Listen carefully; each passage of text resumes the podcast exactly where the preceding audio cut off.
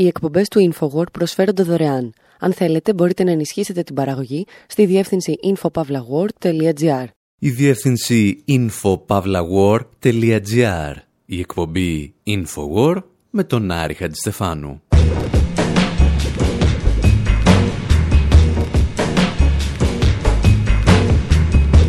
Όπου σήμερα αναρωτιόμαστε πώς είναι να είσαι Ευρωπαίος άπικος στην Αμερική και χίπστερ έπικος στο Χάρλεμ. Ξανακοιτάζουμε το κουφάρι του καμένου πύργου του Γκρένφελ στο Λονδίνο και επιβεβαιώνουμε ότι εκεί συντελέστηκε μία μάχη ενός ταξικού πολέμου, ο οποίος μένεται εδώ και 1,5 αιώνα. Σκεφτόμαστε πως είναι να μην σε θέλουν οι γείτονες όταν είσαι φτωχός και τι σημαίνει να είσαι φτωχός επειδή δεν σε θέλουν οι γείτονες. Let me welcome both of you uh, to the show this morning to talk about what I consider to be a very, very important topic, uh, the Harlem Renaissance. But before we get into that, Harlem once was red line district rated, designated ghetto like the Yellow Star of David, and you wonder why people don't own their homes, cause the racist bank wouldn't f***ing mortgage a loan. Harlem once was red line district rated, designated ghetto like the Yellow Star of David, and you wonder why people don't own their homes, cause the racist bank wouldn't f***ing mortgage a loan. Harlem once was red line district rated, designated ghetto like the Yellow Star of David, and you wonder why people don't own their homes, cause the racist bank wouldn't mortgage a loan until after the invasion of gentrification, eminent domain intimidation. That's not negotiation, and it's frustrating to look at every day, like watching a on 56k biohazard labs instead of storerooms. What's next? Ain't fool nobody in this community, dude. With your little fake little community group, Ivy League, real estate firms are corrupt. I lay siege to your castle like the Moors in Europe. They treat street vendors like criminal riffraff, while politicians get the corporate kickbacks. Harlem Renaissance, a revolution betrayed. Modern day slaves thinking that the ghetto is safe, so they start deporting people off the property, ethnically cleansing the hood. Economically, they want to kill the real Harlem Renaissance, trying to put the Virgin Mary through her early menopause. The savior is a metaphor for how we set it off. Guerrilla war against the rezoning predators. When I speak about Harlem, I speak to the world. The little Afghan boy and the Bosnian girl, the African of Sudan, the people of Kurdistan, the third world American, indigenous man, Palestinians, Washington Heights Dominicans, displaced New Orleans citizens, beachfront Brazilian favelas that you living in. The hood is prime real estate. Again, didn't write this to because some of y'all forgot what the Harlem Renaissance was. We had revolution, music, and artisans, but the movement was still. Cause while we were giving birth to the culture we love, prejudice kept our own people out of the club. Only colored celebrities in the party and left us a legacy of false superiority. W.E.B. Du Bois versus Marcus Garvey. And we ended up selling out to everybody. The Dutch Schultzes and the John Gotti's. Banksters, modern day gangsters, the more Bernardi. They wanna move us all out the NYC like they did to the Jews with the Alhambra decree. So support your own businesses and do the knowledge. Cause the real Harlem Renaissance is economic. Harlem Renaissance, a revolution betrayed. Modern day slaves thinking that the ghetto is safe. Till they start deporting people off the property. Ethnically cleansing the hood. Economically, they wanna kill the real Harlem Renaissance. Trying to put the Virgin Mary through her early menopause. The savior is a metaphor for how set it off. Guerrilla war against the rezoning predators. When they were saying it is the renaissance of Harlem, they didn't mean that we had stake in that. Ο Immortal Technique, ίσως ο πιο πολιτικοποιημένος καλλιτέχνης της hip-hop σκηνής των τελευταίων δεκαετιών, περιγράφει μία εισβολή βαρβάρων στο Χάρλεμ. In Brooklyn, they're doing the same thing. In, um, Παλιά, λέει, είχαν τραβήξει στο Χάρλεμ μια κόκκινη γραμμή στο χάρτη. Πρόκειται για έκφραση που χρησιμοποιείται για περιοχές στις οποίες οι τράπεζες αποφασίζουν να μην παρέχουν δάνεια. Το αποτέλεσμα ήταν ότι κανένας από τους φτωχούς μαύρους κατοίκους δεν είχε τη δυνατότητα να αποκτήσει δικό του σπίτι στο Χάρλεμ. people of Harlem, they are the natural allies of Μέχρι τη στιγμή, συνεχίζει ο Immortal Technique, που ήρθε το gentrification και ξεκίνησε αυτό που ο ίδιος αποκαλεί εθνοκάθαρση. Σαν να προσπαθείς, λέει, να προκαλέσεις πρόωρη εμεινόπαυση στην Παναγία. Και επειδή προφανώς η παρομοίωση δεν βοηθά κανέναν μας να καταλάβει περί τίνος πρόκειται, να σας θυμίσουμε ότι gentrification ονομάζεται η ανάπλαση ή ο καλοπισμός μιας γειτονιάς, ο οποίος επιτυγχάνεται με την άφηξη πλούσιων ενίκων. Μόνο που για να έρθουν οι πλούσιοι πρέπει να φύγουν οι φτωχοί. Και αυτό ονομάζεται από ορισμένους συμπεριλαμβανομένου του Immortal Technique ταξική εθνοκάθαρση. Σύμφωνα με ένα μύθο, τον οποίο θα μπορούσαμε να ονομάσουμε και αστικό, το gentrification ξεκινά όταν ορισμένοι καλλιτέχνες και hipster μετακομίζουν σε μια φτωχογειτονιά, την οποία σταδιακά μετατρέπουν σε εναλλακτικό κέντρο πολιτισμού. Όταν η γειτονιά γεμίζει πλέον από δάφτους, οι εταιρείες του real estate μυρίζονται κέρδος και οι τιμές των ακινήτων στην περιοχή αρχίζουν να ανεβαίνουν, με αποτέλεσμα οι παλιοί φτωχοί κάτοικοι να πρέπει να αποχωρήσουν. Αυτή όμως είναι η αθώα εκδοχή του gentrification.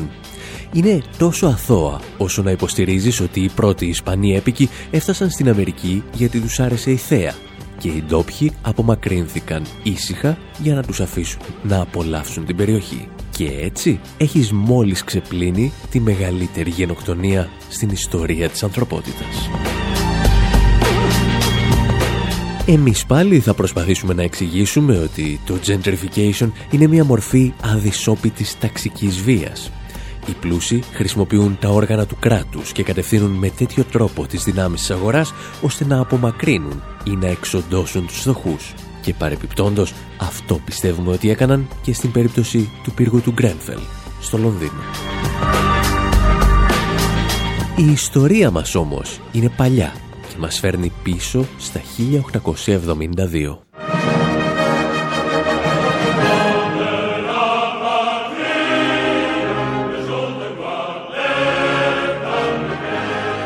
Εκείνη τη χρονιά ο Έγγελς εκδίδει το βιβλίο του με τίτλο «Για το ζήτημα της κατοικίας» που σύμφωνα με ορισμένους ερευνητές αποτελεί την πρώτη μαρξιστική κριτική στο φαινόμενο του gentrification. Ο Έγγελς εξηγούσε πως το γαλλικό κράτος του Βοναπάρτη έφτιαχνε μεγάλες λεωφόρους με πολυτελή καταστήματα και κατοικίες μέσα στις πιο πυκνοκατοικημένες εργατικές γειτονιές. Με τον τρόπο αυτό, σημείωνε ο Έγγελς, όχι μόνο γίνονταν πιο δύσκολο να στείνονται χαρακόμματα στο κέντρο μιας πόλης, αλλά δημιουργούνταν θύλακες πολυτελούς διαβίωσης σε όποιο σημείο το επιθυμούσε η αστική τάξη. Οι τρύπες και τα κελάρια, όπου καταχωνιάζει τους εργάτες το καπιταλιστικό σύστημα παραγωγής, συνέχιζε ο Έγγελς, δεν καταργούνται. Απλώς μετακομίζουν.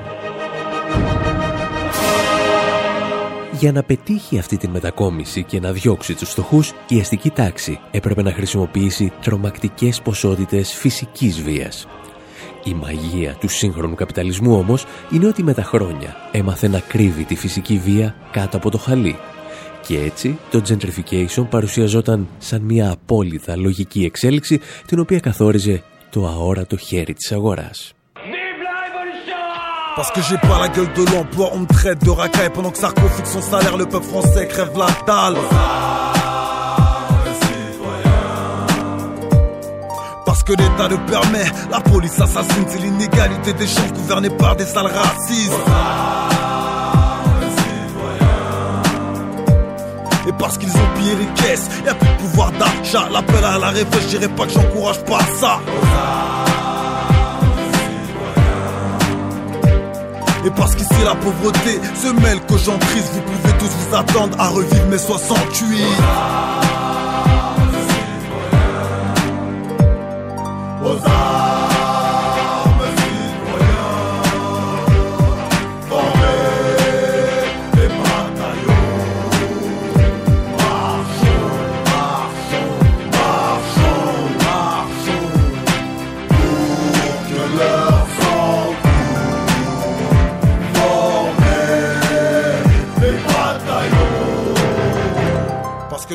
Οι πρώτες μορφές gentrification με τη μορφή που το γνωρίζουμε σήμερα δεν ξεκινούν βέβαια στην Ευρώπη, αλλά στην Αμερική του 1968.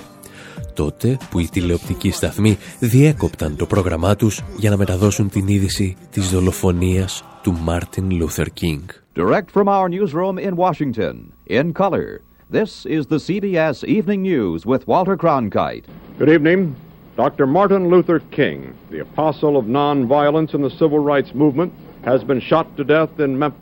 Σχεδόν με το άκουσμα της είδησης ξεσπούν ταραχές σε δεκάδες πόλεις των Ηνωμένων Πολιτειών. Ολόκληρα οικοδομικά τετράγωνα μετατρέπονται σε πεδία μάχης μεταξύ αγανακτισμένων μαύρων και ισχυρών δυνάμεων της αστυνομίας αλλά και της εθνοφρουράς. Rioting broke out in more than 100 cities. 20,000 army regulars. Ταραχές ξέσπασαν σε τουλάχιστον 100 πόλεις των Ηνωμένων Πολιτειών. 20.000 στρατιώτες και 34.000 εθνοφρουροί κινητοποιήθηκαν. Στο Σικάγο, ο δήμαρχος της πόλης έδωσε στην αστυνομία την εντολή να πυροβολεί και να σκοτώνει όσους δεν υπακούν. Σε ολόκληρη τη χώρα σκοτώθηκαν 46 άνθρωποι. Ο Μάρτιν Λούθερ Κίνγκ ήταν νεκρός και η Αμερική καιγόταν. Martin Luther King was dead. America was burning. Στην Ουάσιγκτον και σε άλλες πόλεις, τα δεκάδες καμένα κτίρια και ο διαρκής φόβος νέων συγκρούσεων σε περιοχές μαύρων οδήγησαν σε κατάρρευση των τιμών των ακινήτων. Έτσι, μεγάλες εταιρείες real estate μπορούσαν να αγοράσουν μαζικά ολόκληρες γειτονιές και να τις αναπλάθουν για να στεγάσουν πλουσιότερα στρώματα της κοινωνίας. Στο πέρασμα των χρόνων, τα γραφεία των real estate θα βρουν αρκετούς ακόμη τρόπους για να ρίχνουν τις τιμές σε συγκεκριμένες γειτονιές που θέλουν να αγοράσουν. Μερικές φορές αρκούσε να μιλήσεις στον δήμαρχο και τον αρχηγό της αστυνομίας και να τους εξηγήσεις ότι είναι προς το συμφέρον τους να αφήσουν την εγκληματικότητα να γιγαντωθεί σε μια περιοχή για ένα συγκεκριμένο χρονικό διάστημα. Και κάπως έτσι ξεκινά μια σύγχρονη μορφή ταξικού πολέμου. Για να συνεχίσουμε όμως την ιστορία θα χρειαστούμε τη βοήθεια του Αμερικανού ράπερ Moors να μας τραγουδήσει G is for Gentrify.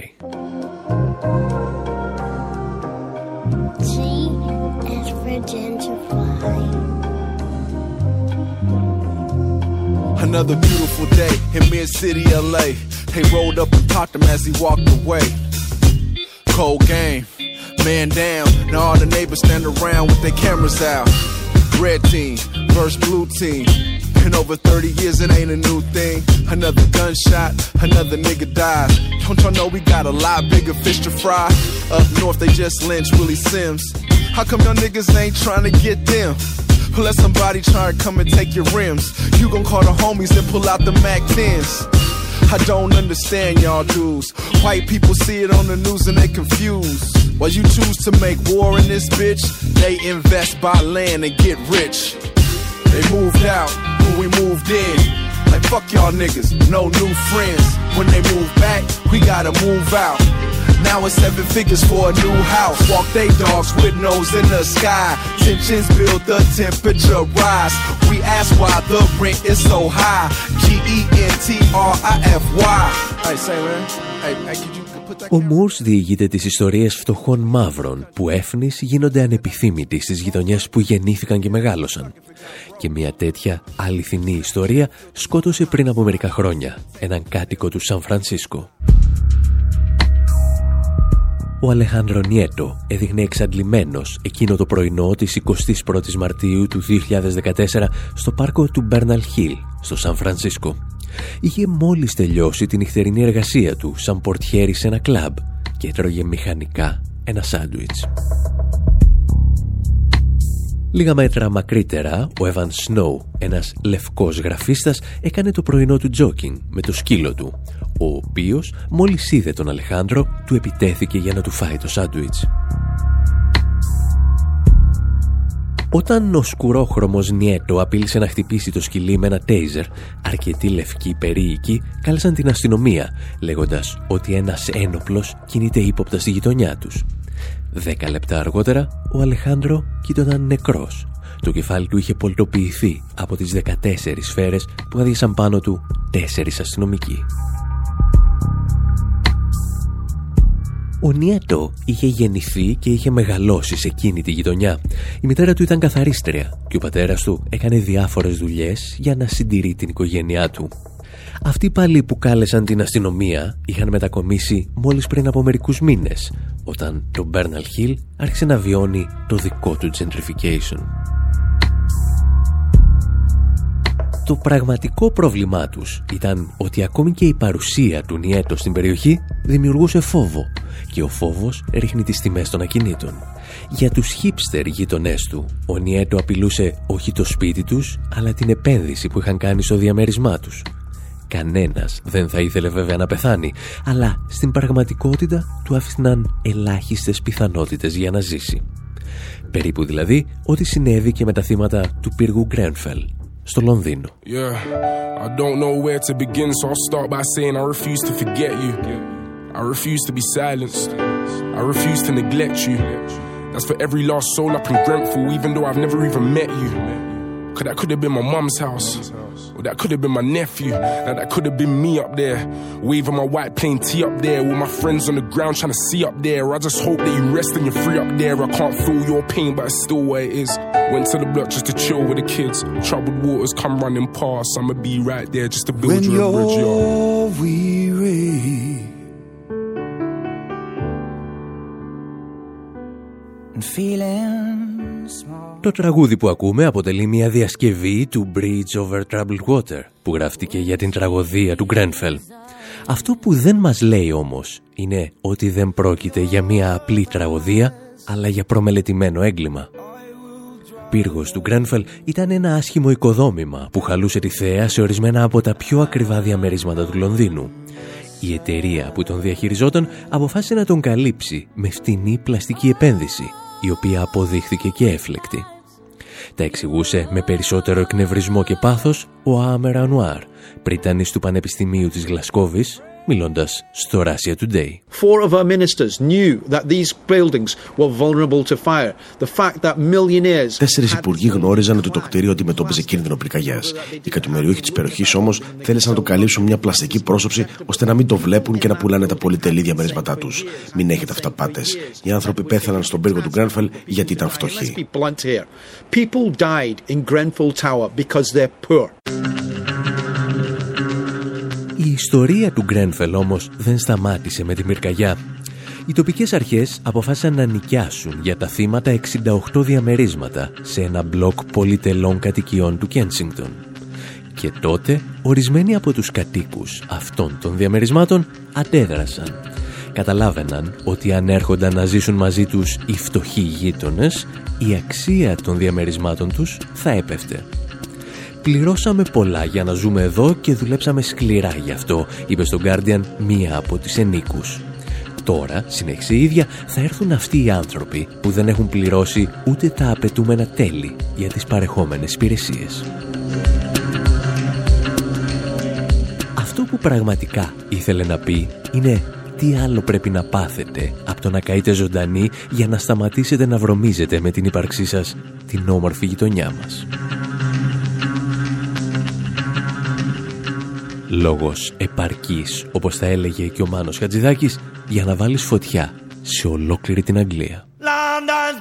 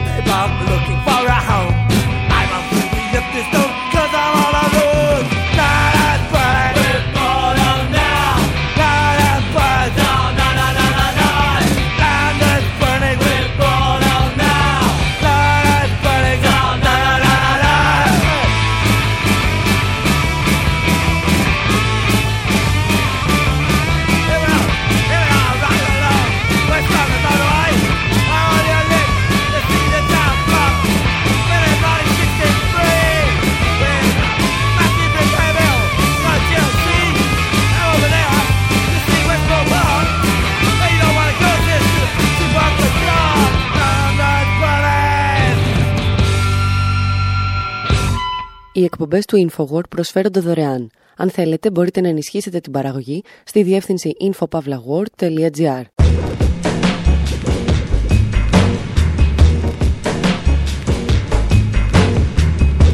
Εκπομπή InfoWord, μέρος δεύτερο. Όπου χωρίς προφανή λόγο αποφασίσαμε να τιμήσουμε τη συμπλήρωση δύο χρόνων από το θάνατο του Κρίστοφερ Λί, για τον οποίο όμως δεν θα πούμε τίποτα. Θα ρωτήσουμε τον Κάρολο Μάρξ τι μπορεί να συμβολίζει ένα βαμπύρ και θα τον ακούσουμε να μας απαντά «Είναι ο καπιταλισμός, ηλίθιε». Διηγούμαστε δηλαδή οικονομικές ιστορίες για δράκουλες.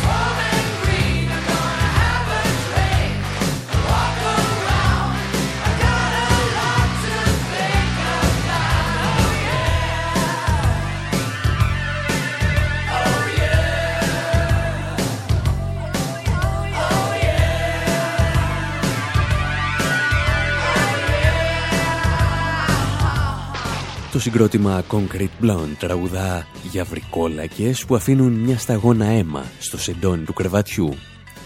Και με αυτό τους το τραγούδι κερδίζουν μία από τις 15 θέσεις ανάμεσα στα καλύτερα τραγούδια που έχουν γραφτεί για τους ζωντανούς νεκρούς. Σύμφωνα τουλάχιστον με το περιοδικό Rolling Stone. Το γεγονός ότι από τις αρχές του 19ου αιώνα οι βρικόλακες παρουσιάζονται πλέον με τη μορφή ενός αριστοκράτη οδήγησε αρκετούς αναλυτές στο συμπέρασμα ότι ο κόμις Δράκουλας συμβολίζει το αποκρουστικό πρόσωπο του παλαιού συστήματος της φεουδαρχίας. Η ανάλυση αυτή φαίνεται να ταιριάζει και με τις γεωπολιτικές ερμηνείες που έβλεπαν στον κόμι τη ρωσοφοβία του Ηνωμένου Βασιλείου. Η τσαρική Ρωσία συμβόλιζε ταυτόχρονα και την τελευταία μεγάλη φεουδαρχική οικονομία που διεκδικούσε ένα ρόλο στα ευρωπαϊκά ζητήματα. Και η νεαρή αλλά πανίσχυρη αστική τάξη της Αγγλίας είχε κάθε λόγο να την απεχθάνεται. «Για σταθείτε όμως», είπε σχεδόν έναν αιώνα αργότερα ο μαρξιστής κριτικός Φράνκο Μορέτη. Ο κόμις Δράκουλας έχει τα εξωτερικά χαρακτηριστικά ενός ευγενή, αλλά στην πραγματικότητα δεν έχει καμία από τις συνήθειες που συναντά κανείς σε ένα φεουδαρχικό καθεστώς. Το βασικό του χαρακτηριστικό είναι ότι δεν έχει υπηρέτες. Κάνει όλες τις δουλειές μόνος του. Φαίνεται, γράφει ο Φράνκο Μορέτη, να έχει διαβάσει τις θεωρίες του Άνταμ Σμιθ περί της μη παραγωγικής εργασίας την οποία εκπροσωπεί ένας υπηρέτης. Μια εργασία η οποία απλώς περιορίζει το εισόδημα του αφεντικού του. Και ο Φράνκο Μορέτη καταλήγει στο συμπέρασμα ότι ο κόμις Δράκουλας είναι ο ίδιος ο καπιταλισμός και μάλιστα στην μονοπωλιακή του μορφή. Τα πώς και τα γιατί θα τα εξηγήσουμε ύστερα από ένα μικρό διάλειμμα.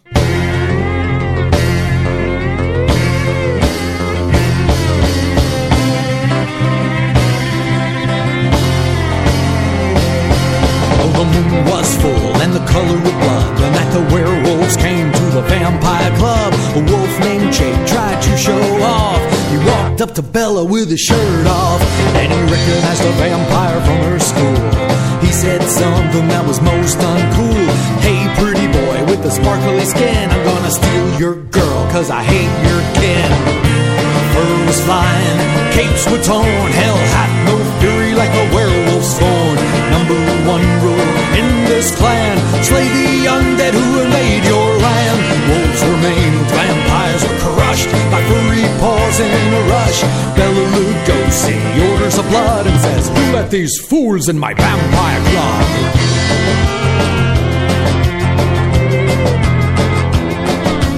And it chucked a werewolf over his head.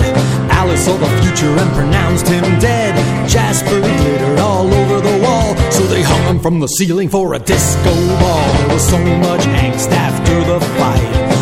Edward and Bella broke up that night while some wolves chowed down on a puddle of food. That used to be some Rasta vampire dude. Fur was flying, capes were torn, hell hath no fury like a werewolf's scorn. Number one rule in this clan, slay the undead who invade your land. Wolves were maimed, vampires were crushed by furry paws in a rush. Old Max Shrek orders of blood and says, Get these schmucks out of my vampire club.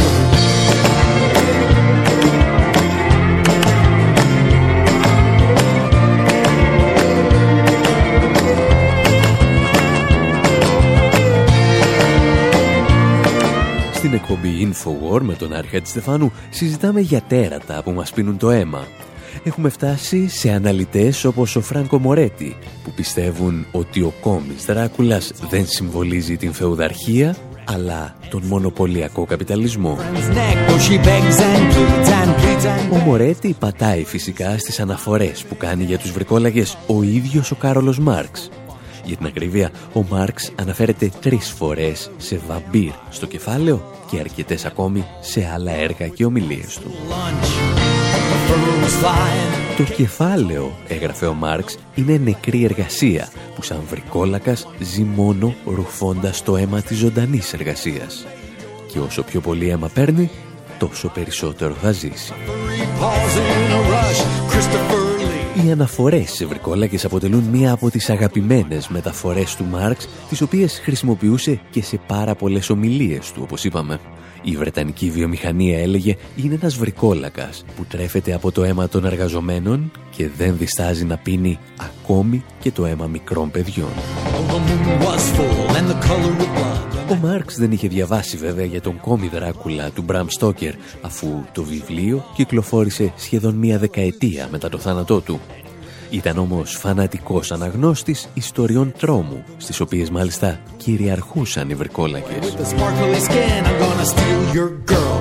Και όπως είδαμε, ο πρώτος βρικόλακας με αριστοκρατική αμφίεση αλλά καπιταλιστική καρδιά είχε γεννηθεί ήδη από το 1816. Οι αναφορές του Μάρξ σε βρικόλακες έχουν απασχολήσει σχολιαστές και διανοούμενους από τον Μορέτη μέχρι και τον Τεριντά.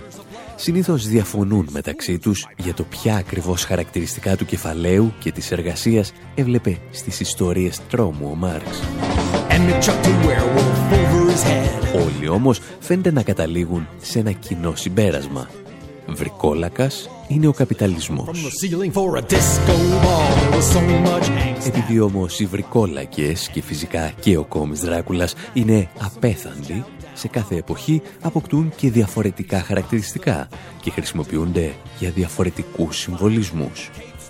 Μια ιστορία που μας φέρνει πίσω στον Μπέλα Λουκόση και τον Κρίστοφερ Λί. Ύστερα όμως από ένα μικρό διάλειμμα.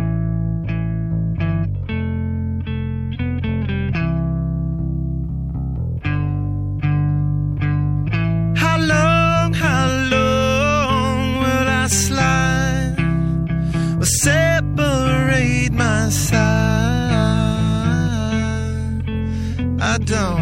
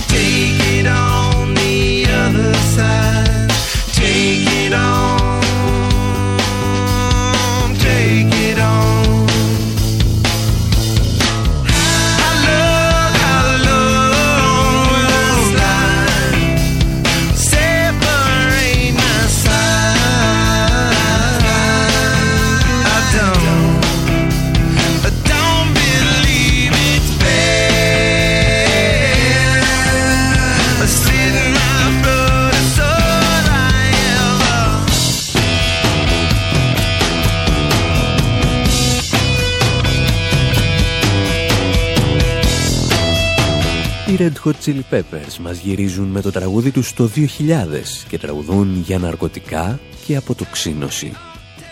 Το βίντεο κλιπ του συγκεκριμένου τραγουδιού όμως, αν θυμάστε, είχε να μας διηγηθεί μια διαφορετική ιστορία. Οι σκηνοθέτες του, ο Τζόναθαν Ντέιτον και η Βάλερη Φάρις, μας εισάγουν στην αισθητική της δεκαετίας του 20 και του 30 εικόνες βγαλμένες από την ταινία τρόμου «Το εργαστήριο του δόκτωρος Καλιγκάρη». Η σχολή του γερμανικού εξπρεσιονισμού δημιουργούσε τότε τα πρώτα τέρατα της μεγάλης οθόνης. Ο δόκτωρ Καλιγκάρη αλλά και ο νοσφαιρά του εκφράζουν το τέλος μιας εποχής, τον επιθανάτιο ρόγχο της δημοκρατίας της Βαϊμάρης.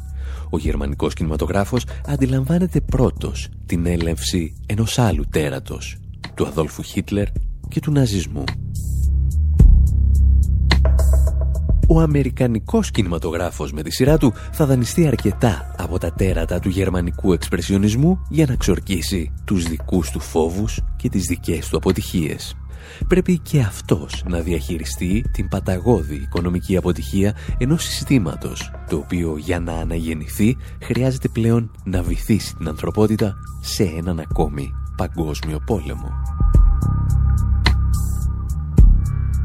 Και από αυτόν τον φόβο μπροστά στη μεγάλη ύφεση και τον επερχόμενο πόλεμο θα γεννηθεί και η ταινία κόμις Δράκουλας το 1931 με τον Μπέλα Λουγκώση.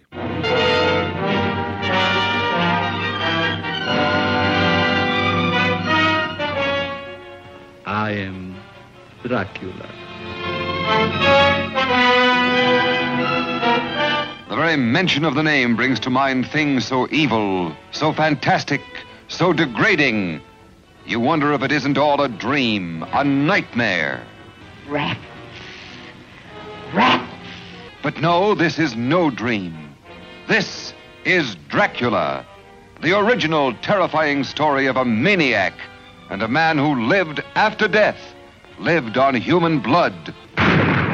Ο Μπελαλουκώση, που όπως είπαμε έπαιξε ενεργό ρόλο στη σοσιαλιστική επανάσταση της Ουγγαρίας, βρισκόταν τώρα στις Ηνωμένες Πολιτείες. Πρωταγωνιστούσε στις ταινίες με τις οποίες το Hollywood προσπαθούσε να ξορκίσει την αποτυχία ενός ολόκληρου οικονομικού συστήματος.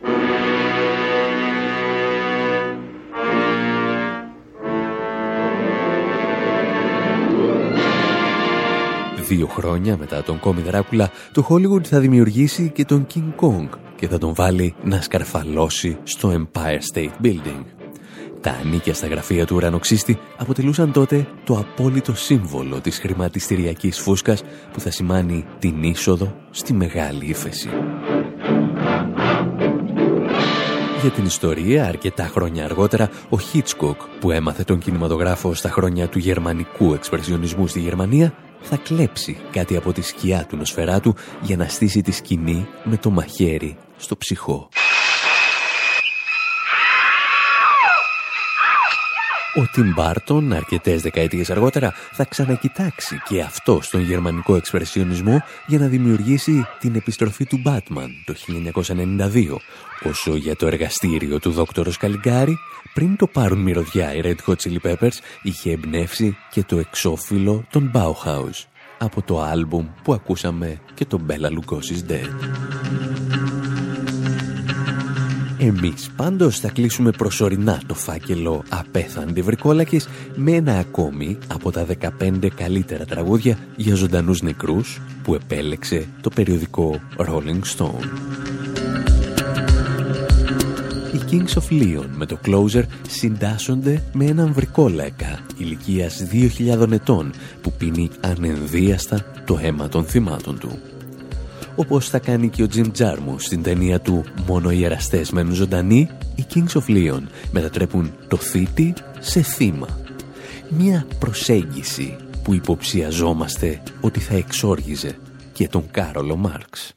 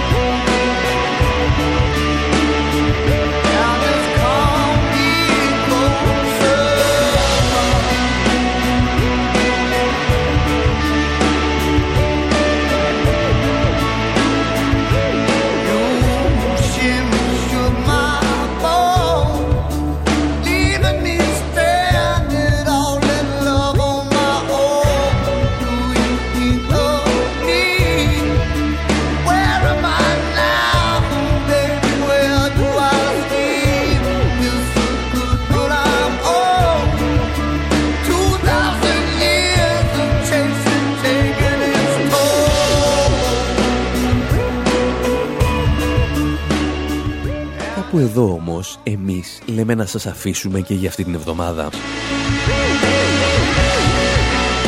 Μέχρι την επόμενη εβδομάδα, από τον Άρη Χατζηστεφάνου στο μικρόφωνο και τον Δημήτρη Σταθόπουλο στην τεχνική επιμέλεια, γεια σας και χαρά σας.